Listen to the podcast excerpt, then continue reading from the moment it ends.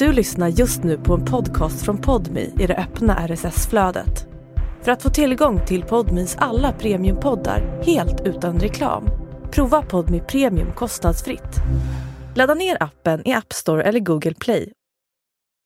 Nej men hej på dig du älskade kära podmi prenumerant och varmt välkommen till avsnitt nummer 417 av Nemo möter en vän. Och avsnitt nummer två i den här lilla adventsspecialen som går ut på att jag intervjuar en podmi profil varje advent. Och eh, ja, den här söndagen så träffar jag mannen, myten, legendaren Bobo Krull. Vem är han? Vart kommer han ifrån? Och hur blev han detta detta mm, oefterhärmliga unikum? I eh, det här avsnittet försöker jag få grepp om en av detta lands kanske mest mytomspunna karaktärer. Och jag är så glad att du hänger med och jag är så glad över att just du prenumererar på Nemo möter en vän via Podme. För utan mina prenumeranter skulle den här podden falla ihop och dö och försvinna. Så eh, ja, jag tar det aldrig för givet och vi gör det här ihop. Ja, jag heter Nemo Hedén på Instagram och ni får gärna följa mig där och eh, ja, min mail är ju gmail.com om ni vill mig något, till exempel önska en poddgäst eller vad som helst. Och den här podden klipps av Daniel Eggemannen Ekberg. Men nog om detta, nog om mig. Nu ska vi fokusera på veckans gäst. Vi kör avsnitt nummer 417 av Nemo möter en vän. Och innan vi dunkar igång det här härliga snacket så kör vi en liten jingel.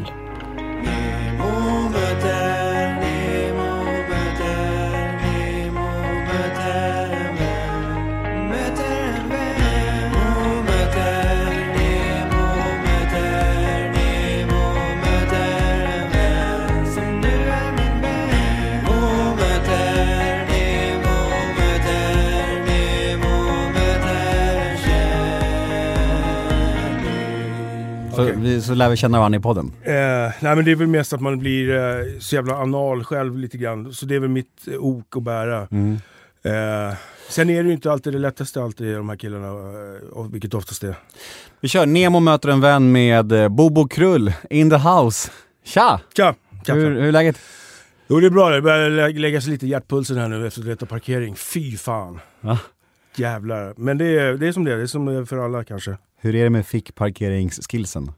Magiska. Jag sätter en ära i att vara duktig på det. Ja. Eh, och gärna när det är trångt också, så man får utmana sig själv. Mm.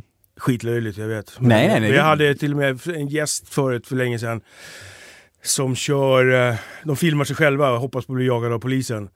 Eh, men då tänkte jag, det är väl perfekt för fan. Nu kör vi en utmaning på fickparkering. Mm.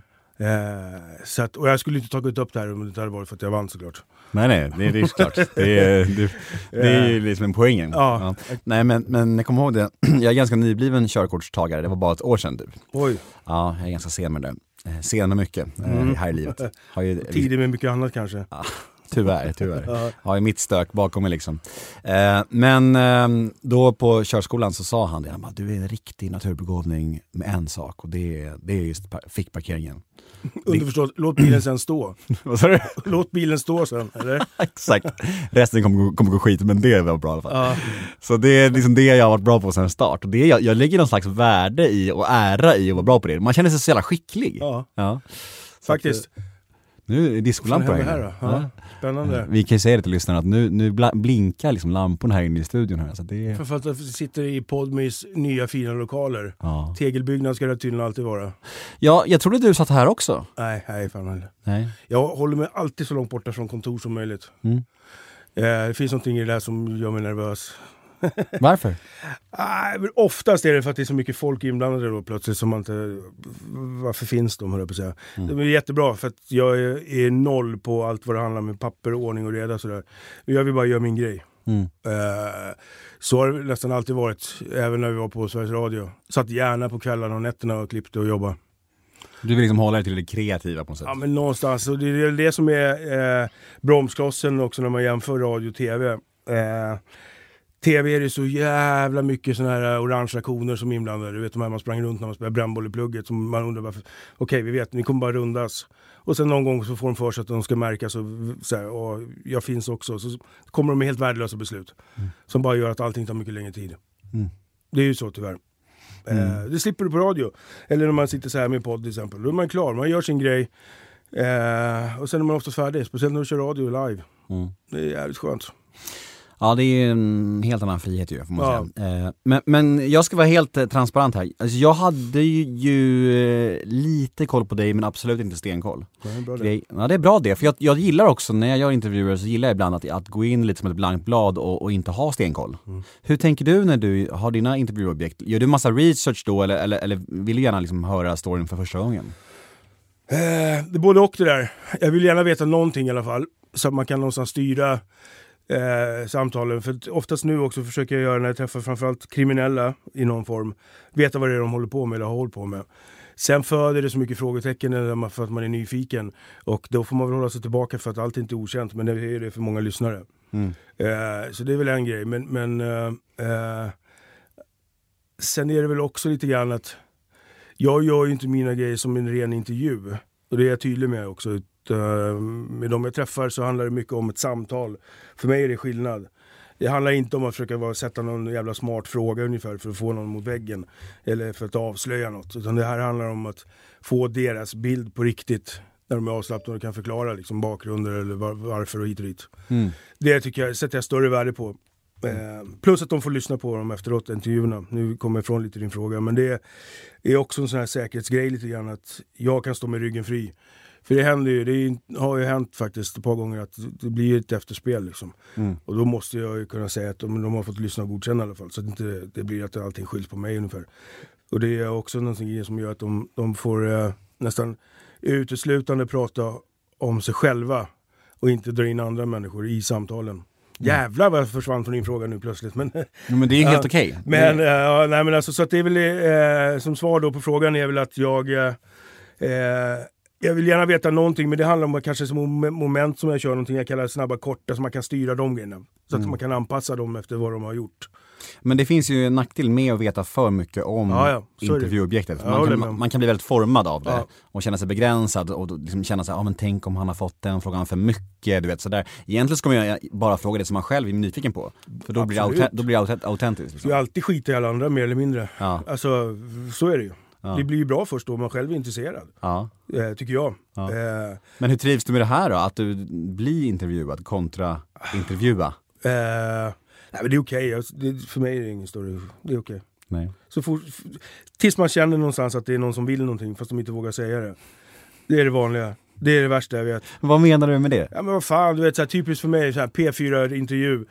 Har några vassa frågor som de själva tycker de har varit lite fnissiga på. De har skrivit, eh, men det är ingen som vågar ställa dem så lägger de i en hatt. Ta en fråga. Där finns de här kanske mera, eh, vad ska man säga, frågorna som kan anses vara lite känsliga kanske. Ta ett exempel på en sån. Ja, vad fan. Eh, eh, ta Lok och när Lok gjorde intervju med, med Persbrandt efter att han fyllde syning vid Stureplan. Eh, då skulle klart man vill veta, hur fan tänkte du? Till att börja med. Hur tänker du idag? Men då hade de ju kommit överens om innan då att han skulle vara den första som blev intervjuad efter den händelsen. Kommer du ihåg det? Många år sedan.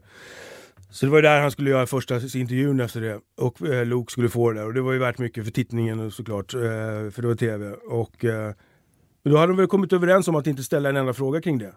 Och då, vad hände då? Då förlorar de ju bara på det. Alla. Persbrandt förlorar ju för att man vet att han har krävt att inte få några frågor om det.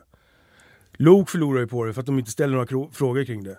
Det blir skitlarvigt. Alla som sitter och tittar på det väntar sig ju bara den frågan. Det är det enda de vill se.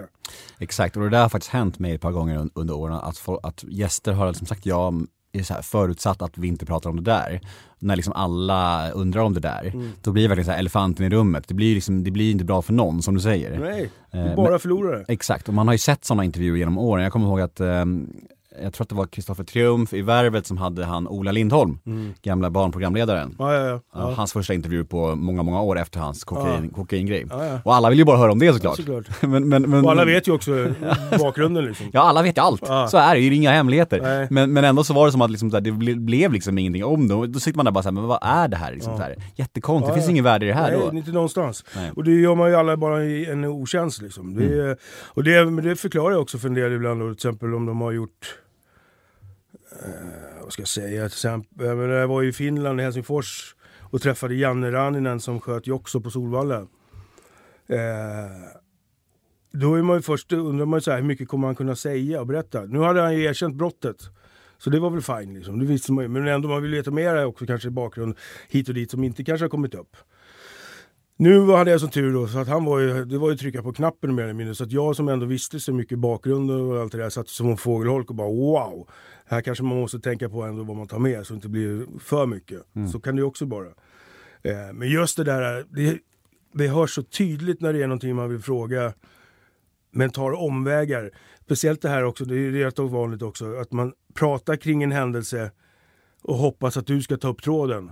För att du ska förstå vad jag menar och hjälpa mig ungefär och, och svara på den själv. Vad fan är det? Va? Vill du något så säg något. Ja. Men, men eh, du har ju valt en vinkel med din podd. Eh, Vi kanske ska säga det för kontext då till lyssnarna. Det finns säkert folk som inte har stenkoll på dig. Att din, din podd heter Krull och kriminell. Och, eh, d- men vi tar det från början gällande podden då. Vad var grundidén? Eh, för att gå backa till riktigt där det började, det var ju för att Acast var ganska nytt då var, eh, sådär, och började etablera sig. Och då var det ju, eh, vad hette han, Kalle va? Ja, kanske. som var en, en tidig eh, chef. Han var på mig flera gånger om att du borde, börja köra podd. Ja, varför då? sa jag. Jo, men eh, det tror jag folk vill höra. Vad ska det handla om? Eh, det behöver inte handla om någonting. Du kan bara ta in, sitt bara och prata. Fan det dummaste jag hört tyckte jag. Eh, det måste ju finnas en syfte med det. Så funkar jag ofta. Så jag vill veta varför jag gör saker.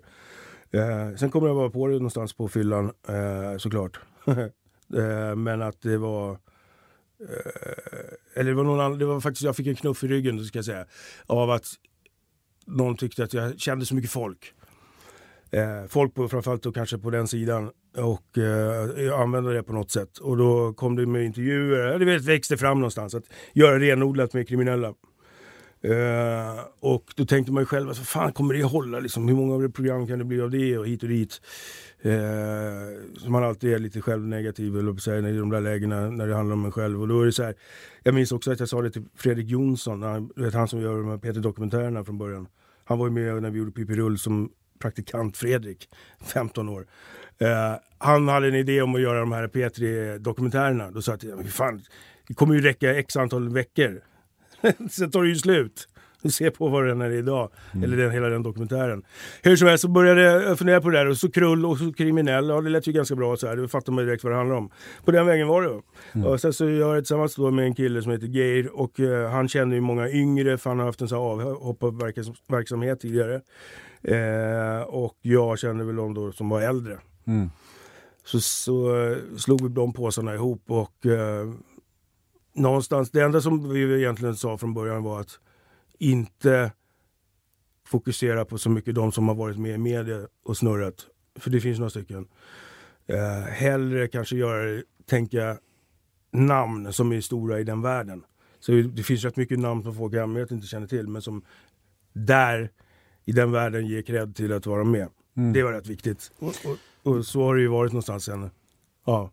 Men hur gick de här eh, moraliska tankegångarna då? Det här om att ha aktiva kriminella och vad de har gjort och så. Hur, hur resonerade ni där?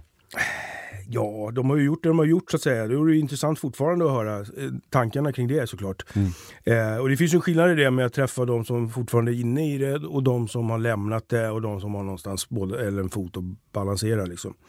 Eh, men det är väl också en sån här underrubrik som jag hade tidigt att någonstans med podden faktiskt syftet är någonstans att eh, ge ansikte åt och, och så här, vet, människan bakom rubrikerna. För det är ju faktiskt så att de flesta människorna är ju, det skulle ju kunna vara vi på många sätt. Eh, många av poliserna är det fast de är poliser istället. Men det är ju rätt nära många mm. utav dem som tenderar till att halka in i den världen också. Så det är inte så långt ifrån vad man kanske vill tro.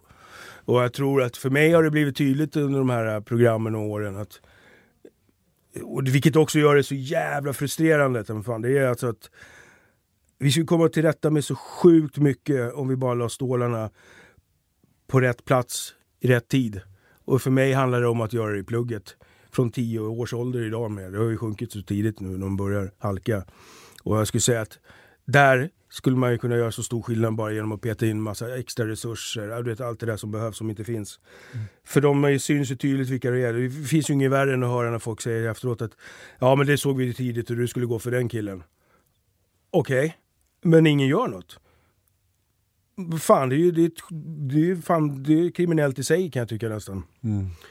Eh, så det är väl det eh, som någonstans eh, gör att jag tycker det fortfarande finns en poäng med det att höra. Det är inte bara kriminella, det är lätt att peka ut och ringa in och säga det där har inte med mig att göra. Men det är fan men sen det samma sak om du har barn och du tycker att du fostrar dem väl och har rätt värderingar. Det, det räcker så långt som det kan göra tills de träffar nästa, så här, får sitt umgänge. Sen kan inte du styra över det längre. De vet med sig vad som är rätt och fel. Men det är fortfarande det där sammanhanget som kommer att forma dem till vad de blir tror jag många gånger. Mm. Eh, och tillfälligheter. Men om jag säger några eh, kända brottslingar, klassiska brottslingar, så ska du säga ja eller nej huruvida de ska vara välkomna och gästa din podd eller inte. Mm. Är du med då? Ja, just. Vi börjar med eh, Breivik. Han var svår. Jo, men det skulle, ja, absolut, men det är klart som fan. Det skulle jag absolut kunna eh, tänka mig. Hagamannen? Nej, svårare för att jag har av princip faktiskt valt bort eh, våldtäktsmän eh, har jag gjort och eh, pedofiler. Jag, jag är inte så jävla intresserad och nyfiken för framförallt så är det oftast människor som alltid förnekar eh, sina brott.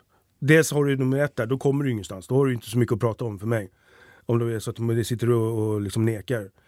Eh, och sen, eh, för de, de saknar ju den här eh, självinsikten. Och nu säger jag det svepande, men det är nästan alltid så. När det gäller framförallt pedofiler också. Eh, så det, det är noll intresse för mig. Eh, jag har haft med en, en, jag hade som en ytterligare princip från att inte ha haft några. för nu har jag haft den här eh, snubbar som slår sina tjejer. Eh, samtidigt som det finns något intressant i det, för jag vet ju också många som säger att Åh, det, är det, det är det största no-no.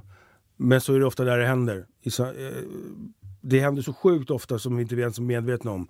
Eh, med tanke på alla människor man känner eller känner till så är det ju jag vill inte ens tänka på hur många det är som, som är inte schyssta mot sin tjej. Mm. Uh, för det, skulle jag få veta det så skulle man ju få klippa med alla. Jag skulle ha svårt, jag kan inte umgås med någon som, som jag vet med, så här, som behandlar sin tjej eller kille på ett dåligt sätt. Jag har haft en eh, med, som jag har pratat med eh, för det är en gammal kille, eller en gammal kompis som jag känner. Han ehm, kom det fram, hade varit jävligt ja, dålig mot tjejen då, framförallt när han var full. Eh, så han åkte in i fängelset och han ville ha kontakt och, och snacka och sådär. Men jag bara sa det till hans dotter, så var det dottern som hörde av sig till mig. Så jag sa, fan jag är ledsen, jag är inte intresserad, jag, jag, fixar inte det. Eh, men så kommer han ut och så fick jag då ändå på omvägar höra att han hade lagt ner spriten. För han visste att det var det som var grejen. Och han har ju hållit sig borta sedan dess. Mm. Eh, då har du ändå gjort någon form av bot och bättring kan jag tycka. Mm. Eh, han hade jag med, men eh, i övrigt, just, just de där typerna har jag svårt för. Mm. Men hur skulle det vara med någon som har gjort någon, någon sån här eh, pedofil eller våldtäkt och, och, faktiskt har eh, sonat och förändrats? Och, och, är de välkomna eller är det, är det, är det lifetime no då? Alltså jag har ju jävligt svårt för det. Att sitta med alltså pedofiler och våldtäktsmän för mig. Det är så små människor. Jag är inte, och jag är inte intresserad. Jag inte, kanske borde vara det. Det kanske är en brist, jag vet inte. Men det är, för mig är det så här, jag sitter mest och känner förakt tror jag. Lasermannen? Ja, absolut. Det har varit på gång. Så här, det har jag kollat. Så det, det skulle jag absolut tycka var intressant. Putin? Ja, jo, men det är väl klart. Vad fan, jag vet inte. Nej, men... men du personligen är alltså inte rädd för att få skit, eh, uppenbarligen? Alltså, jag, tänker att alltså, en sån som Breivik skulle få lass med skit till exempel. Såklart. Ja. Men det innebär ju inte att det fortfarande inte är intressant. Nej, nej, nej. Så är det ju med många av de här kriminella också. Hur kan du liksom vilja prata med någon som har gjort det eller som gör det och bla bla bla och uh, det är frustrerande. Ja, du vet. Jag hade förresten, nu ska jag säga också, nu när du tar upp det. Eh, för inte så länge sedan var det en tjej som hörde av sig som skrev eh, vilket jag också vill säga att jag är sjukt dålig på och, och hela den kontakten som jag vet är viktig. eh, hur som helst så var det ett eh, mail eh, som jag såg och eh, så det är en tjej som skrev och skickade även domar och grejer på en jag hade haft i podden. Men han var med av en helt annan orsak. Eh, Eh, och hon mådde dåligt såklart att få höra honom sitta och prata om andra saker och bla bla bla och det tog, nämndes inte. Eh, och det hände för länge, länge sedan. Men hur som helst, jag tog bort det här program, avsnittet såklart. Det var det första jag gjorde. Och kan ju bara be om ursäkt liksom. Det, så, så, är det just när det handlar om de grejerna. Mm, ja men precis, det måste ändå vara någon slags eh, man får nog vara lite ödmjuk inför att det kan förekomma tänker jag. Ja definitivt, så är det ju verkligen. Sen om det är, vad ska jag säga, offer. Många av de här, vi säger om det är några bankrånare, det finns ju inte så många numera, men om det är bankrånare och det finns ju offer på den vägen också som mår dåligt som fan såklart. Mm. Men jag hade han, eh, heter han, Nils Bergman som gör Rättegångspodden mm. och han hade fått ta emot... Eh... Hur klarar han av det då när han inte kunde klippa in sig själv i bild när det är podd? Det där får stå för dig. Nej jag bara frågar, vad en fråga. ja, jag känner honom inte, Det var första gången jag träffade honom. Okay, jag men, vi, men vi pratade om just det här ämnet som du säger, att mm. han fick eh, vid ett avsnitt ta emot eh, anhöriga som var helt vansinniga, alltså var så plågsamt över att vissa grejer kom upp så här. och då ja. fick han göra samma sak, radera episoden liksom. För att det måste ändå förekomma när man ändå har att göra med så pass känsliga grejer tänker jag. För alla som poddar kring just de här grejerna, med mord och sånt och kriminalitet och så. Fast jag skulle nog inte bara göra det så här per automatik. Nej. Utan det måste ju ha, det måste dels handla om, jag måste ju förstå det. Mm, mm. Eh, och eh, någonstans när det fanns en dom och det fanns liksom bekräftat och sådär eh, hit och dit, då var det ju inget snack om. Eh, men, det, men det, för mig är det nog extra känsligt just den biten. Jag kan svara på varför. Eller det borde väl alla kunna bara säga, kon, konstatera liksom, att så ska det vara. Mm. Men, men det är någonting i det där som gör att jag, jag, jag slår handbromsen direkt. Eh, men är det folk som hör av sig som har synpunkter på att vi tar upp det och det med den och den bara för sakens skull, det skiter jag i. Mm. Eller skiter i, kanske inte gör, men alltså det, det, då, då, blir det, det är svårare för mig att bara ta bort det. För men, sakens skull. Nej men det makes sense. Mm. Men som jag sa till dig tidigare i den här podden att så har jag ganska dålig koll på din historia. Jag vet ju om eh, Pippi och hela den där biten och lyssnade på det och det tyckte du med stor behållning. Eh, men din personliga historia eh, varför har du så mycket kontakter inom det kriminella egentligen? Eller ja, fan, det är ju inte kanske så konstigt. Jag... jag eh, det börjar, sånt där börjar ju tidigt tror jag när du är, som jag sa, i plugget. Då, att man gillade, hade folk, man kände människor. Mm. Man var utåt och eh, ville vara med där det hände. Sen så visste man, så här, som jag sa innan, man visste med sig vad som var rätt och fel. Så det var ju nära. Men det hade lika gärna kunnat vara att man hade trampat snett tidigt. Mm. Och jag tror att någonstans hade man varit med någon av de här gångerna där det kanske föll på, eller så här, sattes på tapeten att det skulle vara någonting som skulle hända. Eh, man hade varit med då när det knasade.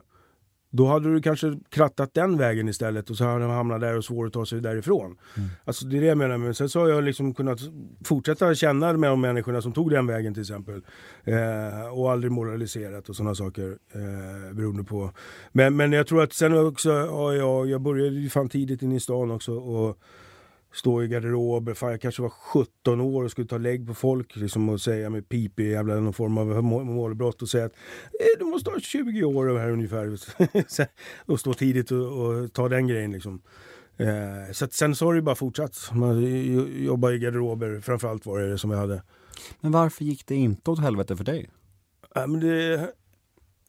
Äh, jag tror att, om jag ska vara helt ärlig, att äh, jag gillar vilket man inte tror kanske alltid. Jag har ju svårt för människor. Jag gillar ju inte egentligen människor. Människor är i allmänhet dumma i huvudet. Men samtidigt så gillar jag ju människor. Ja, du, podd, du är ju poddare. Ja, men, ja fast då är så här, det begränsar mig också antagligen man träffar ja, såklart. men, men, det är så här, det finns något i det där, jag vet inte, jag kan inte sätta fingret på det tror jag. Eh, tur kanske också, mm. så enkelt. Men eh, men eh, någon nyfikenhet, jag vet inte, jag har också kunnat så här, sitta med folk som Eh, kanske för några dagar sedan gjorde något stort jobb eh, med med massa pengar och suttit och pratat så här och suttit och moraliserat kanske med dem för att få dem på rätt bana. När jag var kanske 20 och de var 35. Eh, och det är mest bara för att jag, är, jag gillar, jag gillar, jag vet inte fan vad det är. Jag kan inte sätta, jag vet faktiskt inte helt ärligt. Men, men jag tänker att det är någon skillnad mellan att moralisera och faktiskt sätta Ja, men det gränser det. för vad man tycker. Alltså så här, kan du sitta med vilka som helst som pratar om vad som helst utan att du ens höjer på ögonbrynet? Eller liksom Ja, jag tror det rätt mycket. Om det inte kommer in på de här andra ämnena. Ja. Alltså, slå djur och, och tjejer, vet Ja. hela den där biten. Och det är ganska naturliga saker tror jag. Det, det Mm. är klart att det är svårt att säga ifrån. Eller, eller inte säga ifrån, utan där, där säger jag ifrån. Mm. Men jag har ju och jag har svårt att sitta kvar. Men däremot eh, i övrigt, jag tror inte det finns många samtalsämnen sådär som jag inte kan delta i. Var kommer krull ifrån? Eh, Gamla Tyskland för länge sedan. Jag Mm. var tysk medborgare ett tag. Du heter Krull. Ja, ja. Ja. jag heter Bobo också, har gjort det i alla år. Jag trodde det var lite av ett Nej, men stage säg inte name. det för fan, för det, är så här, det säger mer om att de tror de att jag går runt i högklackat hemma eller så här, ska ha ett jävla artistnamn för fan. Ja. Ja, nej, jag heter det, jag har alltid gjort det. Jag försökte bli av med det en gång. eh, Jag kommer ihåg, jag tänkte det var lämpligt när man eh, skulle in i lumpen. Och sen bra fasa ut det gamla ungefär. Men jag och gick på den här bussen. Längst bak sitter en snubbe från Brandbergen såklart. ja. Tja Bobo! Ropar i bussen. Och så gick det inte att bli av med det. Vad, eh, alltså just det här gällande det här namnet Bobo Krull, alltså det känns som att man är menad för att bli lite offentlig person då.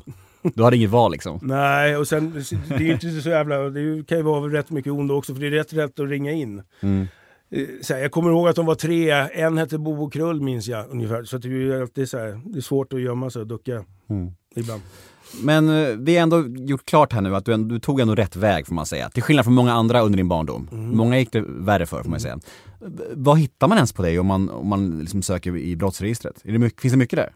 Jag hoppas inte det finns kvar något. Nej. Men det har funnits en del? Inte en del, men det har funnits. Ja.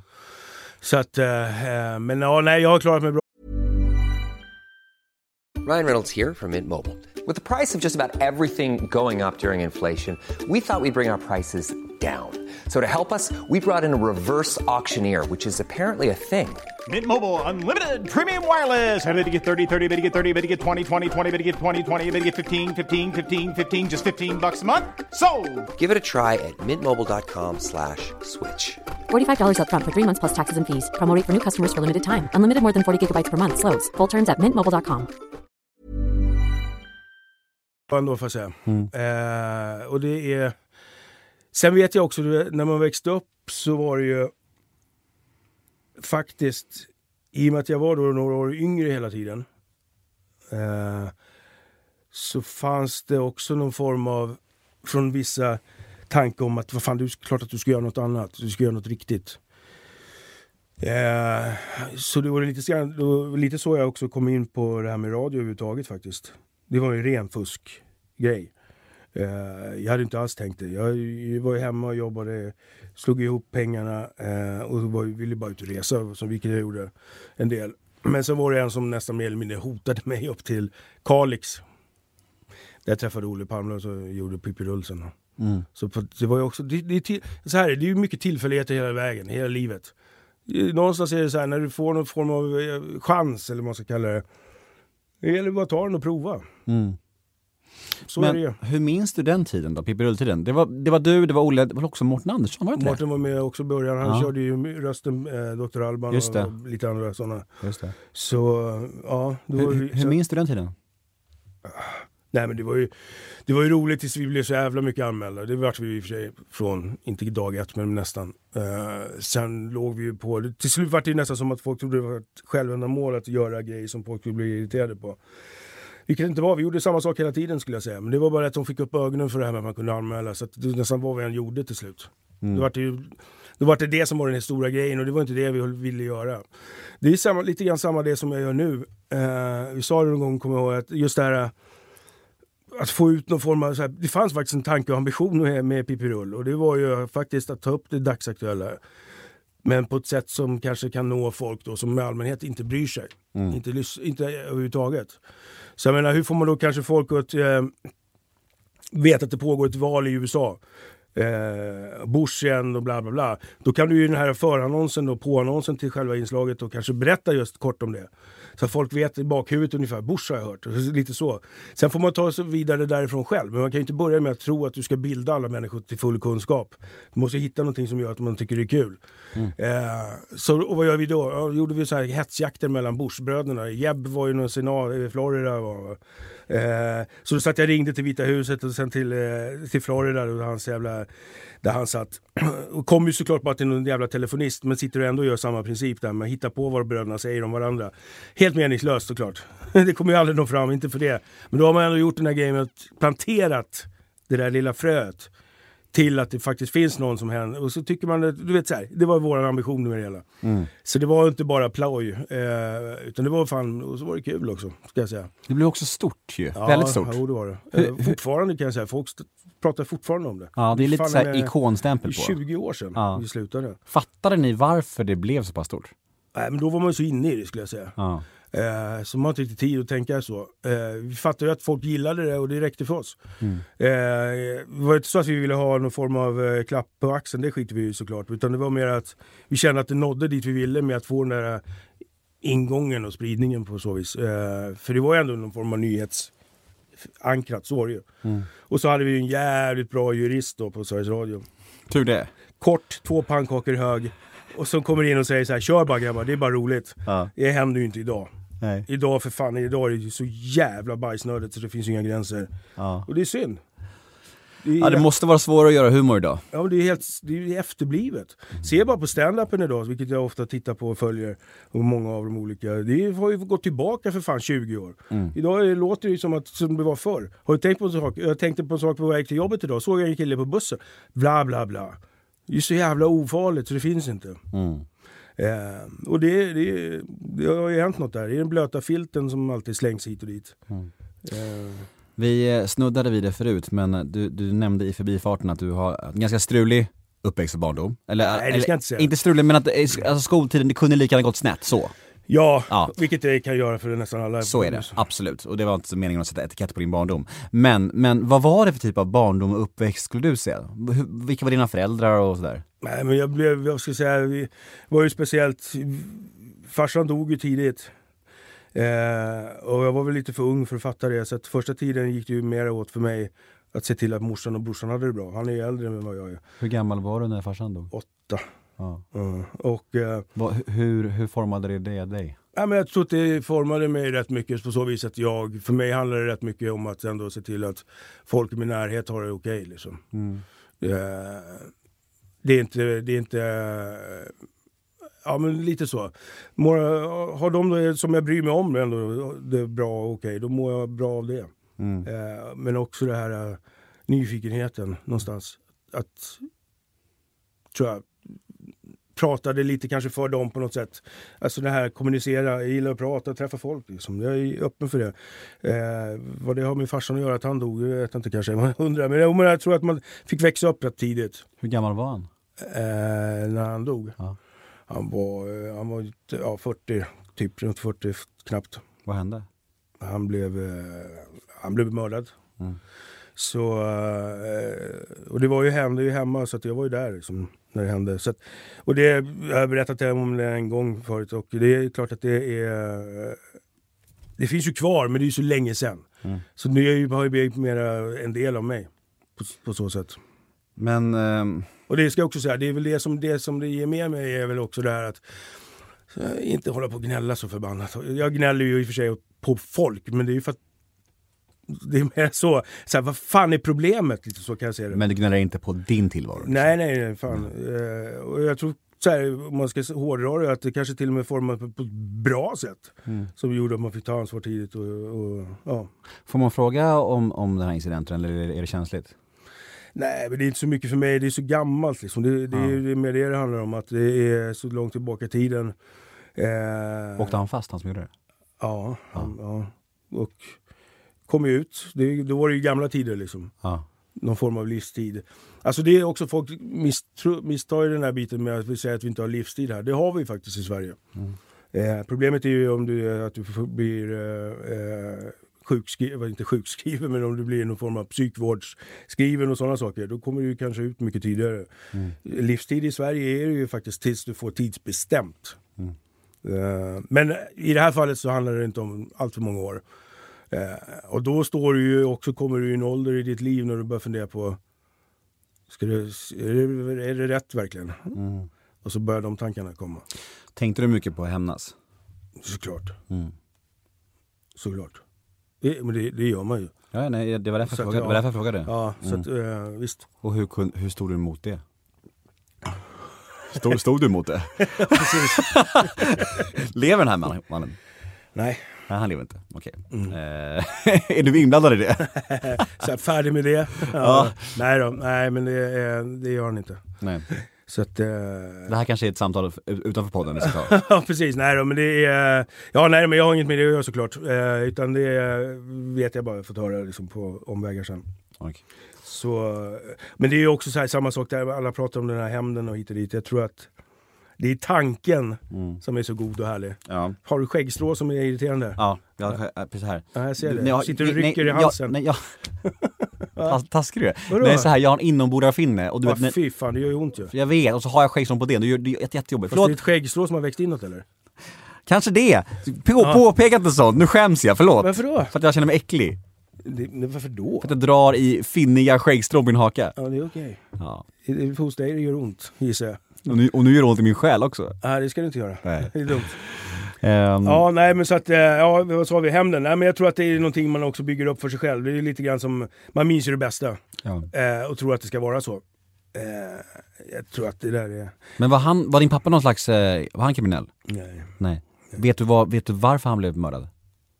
Det är också lite oklart i och med att det var en sjuk människa. Ja, Okej. Så att det, det är svårt att säga exakt. jag fattar. Vi ska inte gråta mer i det, men, men eh, man blir ändå nyfiken på några frågor.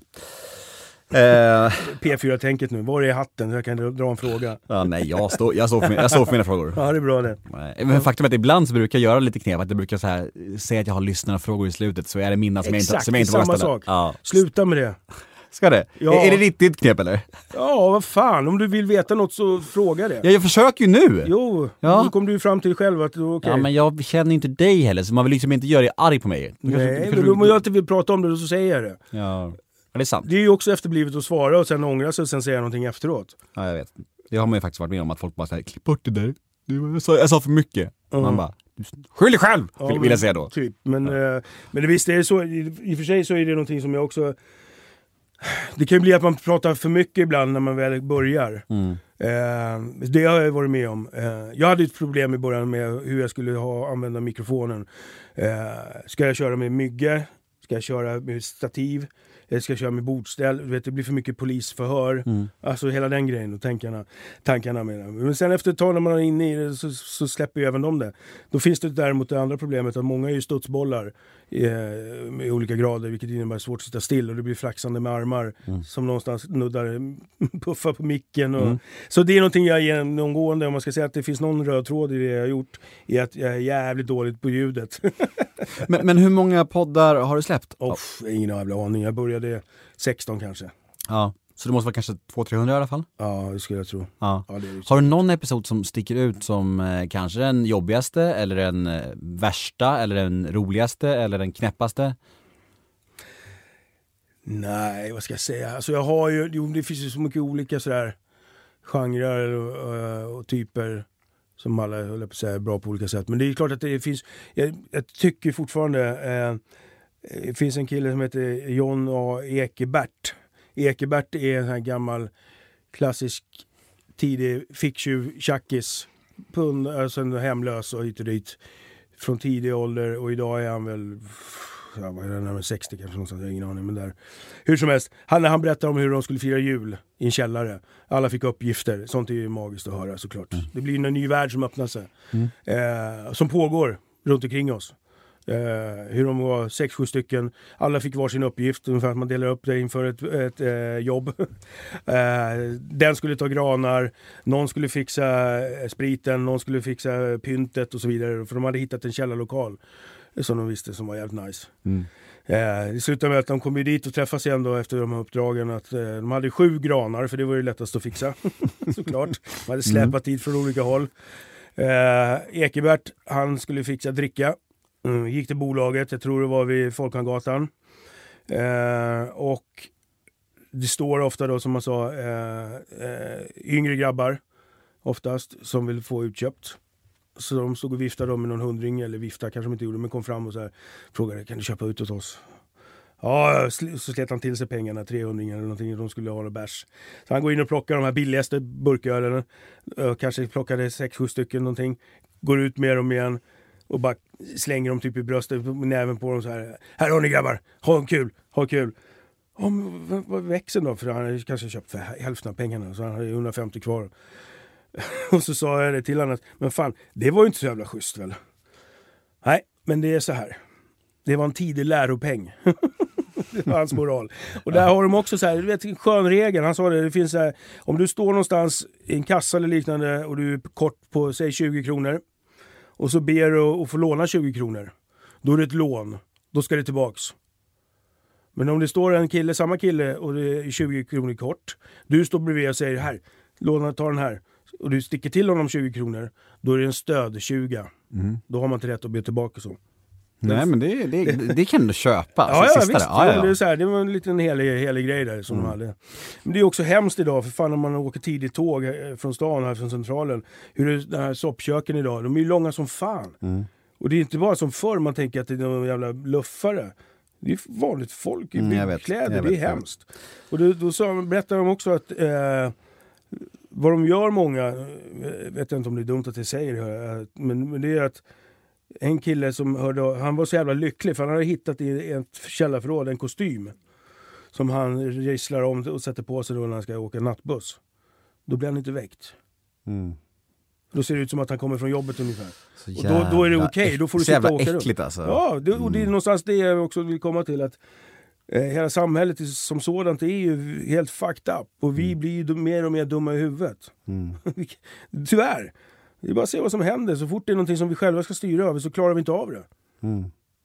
Nej men jag var med hon den här, vet hon, Jeanette Höglund heter hon? Tunnel- tunnelbanan-Nettan, Mm. hennes Vid din sida eh, grej. För hon var med i podden så lovade jag hänga på en gång där. Mm. Och då var det verkligen så att man, man hade ju en bild av att de här soppköken, att det liksom så här, ja men det här, det här kommer vara narkomaner, det här kommer vara Mm. de trasigaste i samhället. Och så är det helt vanliga gamlingar som bara bor på gatan. Mm. Av olika andra skäl. Ja, Att jätte, det är tillåtet, höll jag på att säga, att det ens finns. ja, jättekonstigt. Människor som har jobbat många gånger av dem hela sina liv. Ja men det är så här, och de har hamnat på gatan av helt andra skäl än liksom Ja. missbruk och så. så här Ja. separationer och andra tvister och så här. Man bara, hur fan blev det så här? Ja. Att vi har ett land där liksom gamlingar som har skött sig hela livet, alltså här, alla ska ha rätt till hem. Men du förstår vad jag menar? Det, är just, det är så Jo, men det knäppt. samhällskontraktet någonstans är ju att vi ska jobba och betala skatt. Mm. Och det är fine.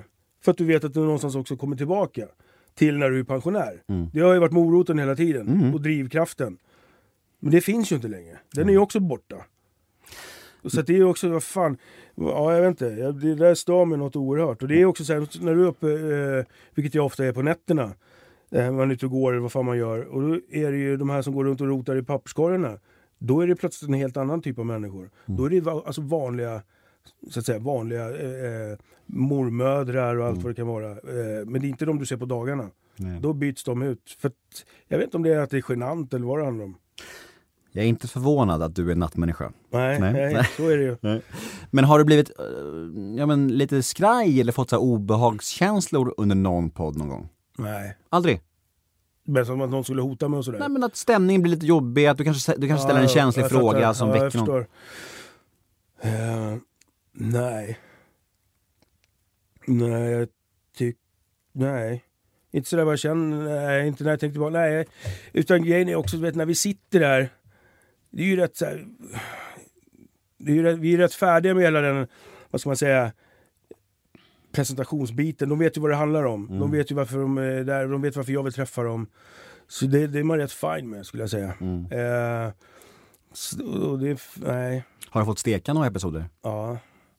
Det har jag fått göra faktiskt. Eh, det är inte många, jag tror att det är... Jag har lyft några efteråt, efter att de har sänts. För att det har blivit på olika sätt knas för dem. Som vi snackade om tidigare. Ja, men, och då är Mm. det ju för deras skull jag gör det faktiskt. Eh, Och sen eh, är det väl två tror jag nu som jag har gjort helt färdiga. Och sen så får de lyssna på dem och sen så ska det liksom bara ut egentligen. Där har det fastnat, jag tror det är två gånger. Vad har det berott på? Den ena gången var det, eh, vad han heter han? Seth Roland Aner. Han den gamla eh, ekobrottslingen som var, eller han var dömd för det i alla fall. Han var ju fan en av Sveriges rikaste ett tag. Eh, som också blev eh, eh skjuten i benet tror jag av jag tror det var Degoan, han som, de, eh, som dog i det här eh, huliganslagsmålet, Hornstull. Eh, jag ska inte säga så för mycket om det. Så- Jag är nästan säker på att det var så. Hur som helst. Eh, hans, men då var det hans typ sambo eller vad det var som hörde av sig till mig. Samtidigt som jag stod och spelade in och de var Mästarnas Mästare i telefon med dem. Så det är helt olika världar. Och så ska jag stå där och förklara för henne hur jag hade tänkt det. Och han var fine med det. Men det var hon som gick i taket. Och han kunde väl inte stå emot det på något sätt. Men hur som helst. Där så kände jag det att han kommer få så mycket problem där hemma av henne för att han är med. Och eh, sen så var det en annan kille som hade varit med faktiskt i ett sentida bankrån och det var ju lite speciellt av den anledningen. Men då tar de ju numera bankfacken. Där finns det fortfarande. Eh, hur som helst, jag tror att det blev så att när han väl hörde det, jättebra avsnitt på alla sätt. Det var som en film liksom. Han var med hela vägen från planering till utförande till efteråt, efterspel och sådär. Men jag tror att det kom lite för nära om jag ska vara ärlig. Eh, och kanske för lätt att ringa in honom och då i och med eh, de andra. Eh, men tyvärr så fick jag fimpa det. Ja, den känslan är tung. Jävligt tråkigt sådär. Inte bara för tiden man själv har lagt ner såklart utan för att man tyckte det var så jävla bra. Och han var så jävla bra att berätta också. Vilket inte alltid är. Är det din eller min? Din. Är det? Jag har ingen signal på så jag tänkte att så proffsig är jag. Ja, jag är sorry. Vi pratar om, hörde vi. Gott och väl. Ja, vad fan. Det var inte meningen. Ja, det är lugnt. Jag vet inte vad jag ska lägga dem då, men det, kan, det är nog lugnt nu. Det- Jag höll på att säga så här som man gör lite pass, snyggt passande. Vi är väl ändå snart klara. Ja det är vi alldeles strax. Du ska få gå snart. Nej, det Men, men det, jag tänker bara det är så jävla udda att du har jobbat med så här Mästarnas Mästare och sådana där program när man liksom hör din historia i övrigt. Det är så här, det är så, kontrasterna är ju rätt roliga. Fast där är det också samma sak där med att det här som jag pratade om. Att man, det finns något konstigt i mig att, som gör att jag oftast så här, Det finns en anledning till att jag har den här tatuerad eh, på armen. Eh, fy fan för folk. Eh, men samtidigt så finns det någonting hos människor som jag blir nyfiken av. Jag gillar ju folk på så vis att jag pratar mycket med dem och sådär. Hela det, det är samma när man är inslagsproducent skulle jag säga. Att det jobbet är det jobbet gör man egentligen när kameran står, inte när den rullar, brukar jag säga. För det handlar om att få folk att tycka att det är kul det man gör. Men, men du har ju levt så nära folk med olika mörker genom åren här, i din podd och, och även i, i din ungdom, pratar lite om. Din egen relation till alkohol och droger, hur har den sett ut genom livet och hur ser den ut idag? Nu kommer vi in på mörkret. Jag har inte varit full på två och ett halvt år. Kul, att du benämner det som mörker. Ja, vad fan, jag vill ju det. Jag gillar ju att vara full. Och det. Men drick då? Nej, men jag fått nedspri- det är någonting som har hänt med mig. Jag åkte på proppar i lungorna båda. Och var, låg inne där och det var ju ganska nära. Det var, då, så här, det var inget bra. eh, och sen eh, så går ju läkaren den här klassiska ronden och frågar så här, hur är det med alkoholen och alla säger samma sak. Ja, ett glas vin till maten till middagen ungefär på helgen då och då. Bla bla bla. Ljug, ljug. Och så tänkte jag sen, vad fan ska jag säga? Jag ljuger ju faktiskt bara för mig själv. Så jag sa som det var ungefär att jag, eh, jag gillar att vara full tre gånger i veckan i alla fall minst. Och sen så dricker jag bara ren vodka. Som att det var bra. För jag tänker att det är rent liksom. För det är så jag alltid har druckit. Och då kommer han faktiskt tillbaka sen läkaren och sa det. Jag kan inte säga att det är när han hade med sig kollegorna i rummet. Men att det är inte därför du är här. Eh, du, du, du dricker ju alldeles för mycket givetvis. Men eh, det är inte det som har gjort att du har hamnat här. Eh, Okej. Så att då tänkte jag sen, och då bara kliva på det. Men då är det som att det är någonting i kroppen hos mig, undermedvetet någonstans, som gör att jag får inte ner skiten. Jag försöker. Och jag har gjort många försök. Jag sitter med det i munnen och ska svälja det. Men fan, men det funkar inte. Eh, och det är en helt orimlig tanke för mig innan det här hände.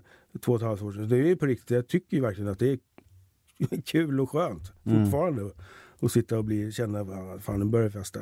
Sen sitter man med papegoja och pratar om samma saker. Absolut. Men det är, eh, ja, jag vet inte. Eh, jag hoppas att det vänder. Hur har det sett ut med drogerna? Ja, men det har funnits där också såklart. Eller såklart ska jag inte säga. Det kanske är... Men eh, visst, det har- det är ingen hemlighet. Så är det ju. Eh, och eh, Har det någon gång känts eh, som att det här är ett problem nu alltså? ja, alltså. Så är det väl om det börjar bli så att det börjar påverka vardagen, alltså mera så om det skulle varit det. Men jag tror att sen så har man också varit lite för nära folk där det varit problem på riktigt. Och sett den biten som har gjort att man ändå har hållit den distansen skulle jag säga. Eh, det är som med spel, det har jag haft eh, x antal så här nära och i närhet. Även också några i podden för det leder då till nästa för att få upp några pengarna. Eh, så det har jag aldrig hållit på med överhuvudtaget. För det, har nog, det såg jag nog för tidigt tror jag. Men det andra har bara varit för mig härligt. Men också för att jag inte har blivit dum i huvudet på fyllan. va. Jag har Nej. inte haft de problemen. Jag har, jag har bara blivit kanske lite kanske har låtit lite mer, lite högre. Och, eh, det är väl det då möjligen.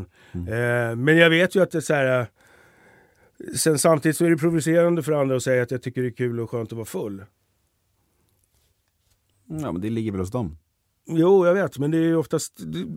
Återigen är det ofta så här, de som har problem med saker och ting är oftast de som har- det åt, för någon annans skull. Och det är sällan det kommer att de själva, förstår du vad jag menar nu? Att det, så var det oftast på radion, när man säger och tar upp något ämne till exempel, om det skulle vara äh, må vad fan som helst nu, som, som äh, jag tror vi ju, gjorde någonting om äh, romerna. Vilket man inte får säga zigenare om längre, vilket de själva skiter i. Det, så var det att de höll på att dö kommande generation. De knarkade ihjäl sig helt enkelt. Så de var oroliga. Och då satt jag i radion då, eh, minns jag att fan det här kan vara känsligt liksom. Det här kan det bli folk gå igång på. Då sa jag så här, det får vi hoppas och hålla tummarna för allihopa att inte det kommer att hända. Men i och med att du sitter och knäpper i fingrarna kan du inte hålla tummarna. Då tänkte jag så här, det kommer ju folk att stötta sig på. Inte någon hörde av sig såklart. Mm. Men sen så började jag prata om sån här jävla is. Vad fan du vet, de ska ut på isarna och gå med sina barnvagnar och skit. För fan sluta med det. Sluta skicka helikopter. Låt dem sjunka för fan. Vad ska du ut på där och göra? Det är ingen väg. Du vet att det är tunn is. Vad fan ska du ut dit och göra? Uh, ja, då är det någon som hör av sig för de känner någon på jobbet vars jävla väninna som de träffar en gång i halvåret hade någon de hade hört hade gått ner i isen och det var så synd om dem. Bryr de sig? Nej, alltså förstår du, du ska bry dig åt någon annan hela tiden. Det är det. För att tolka hur de eventuellt kanske känner. Stör fan. Vilken är drömgästen till podden? Jag hade länge, eh, ska jag säga, hade därför att nu har han varit med så mycket överallt, eh, Clark Olofsson. Eh, att för många, många år sedan var jag ute på eh, samma fest och satt och åkte bil genom skogarna där nere i Skåne, han och jag. Eh, en gammal Volvo, han satt och drog i handbromsen och tjöt som ett barn. Du vet, man sladdar och tyckte det var kul. När man var kanske 16-17, sen var man klar med det. Man har ju suttit så många år så han tycker fortfarande det är roligt. Men hur som helst, han är ju en magisk jävla historieberättare. Sen är det ju så här att förutom att han har en av de bästa boktitlarna någonsin, Vad fan var det som hände? Så är det så att det är ju aldrig hans fel. När man läser boken. Det är alltid beroende på någon annan. Alltid på grund av någon annan. Men återigen, berätta historier kan han. Och då finns det många. Får hoppas han dyker upp i podden då. Ja, fast sen är det också så här att han vill ju kanske då ha pengar.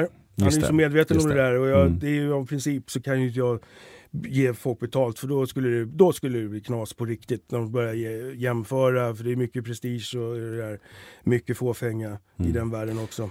Jag har gett en enda poddgäst betalt Är det så? på över 400 gäster. Ja, det är bra. Men okej, då har det hållits hemligt. Vem? Nej, jag kan avslöja nu. Okej. Torsten Flink. Okej, Men du kommer, kommer billigt undan gissar jag ändå då. Jag kan ta, jag kan ta, det, jag kan ta det efter Ja, ja. podden. Men eh, han är värd det. Det är han verkligen. Ja. Det är han verkligen. Du, Ja, tack för att du kom hit. ja, det är lugnt, inga problem. Vad gött att snacka lite. Ja, lycka till. Ja, detsamma. Eh, Ja. Får väl se om vi klipper någonting. Och missa inte um, Bobos podd som ligger här under Podme också. Just det, Krull kriminell. Snyggt. Var rädda om er. Puss och kram. Hej då!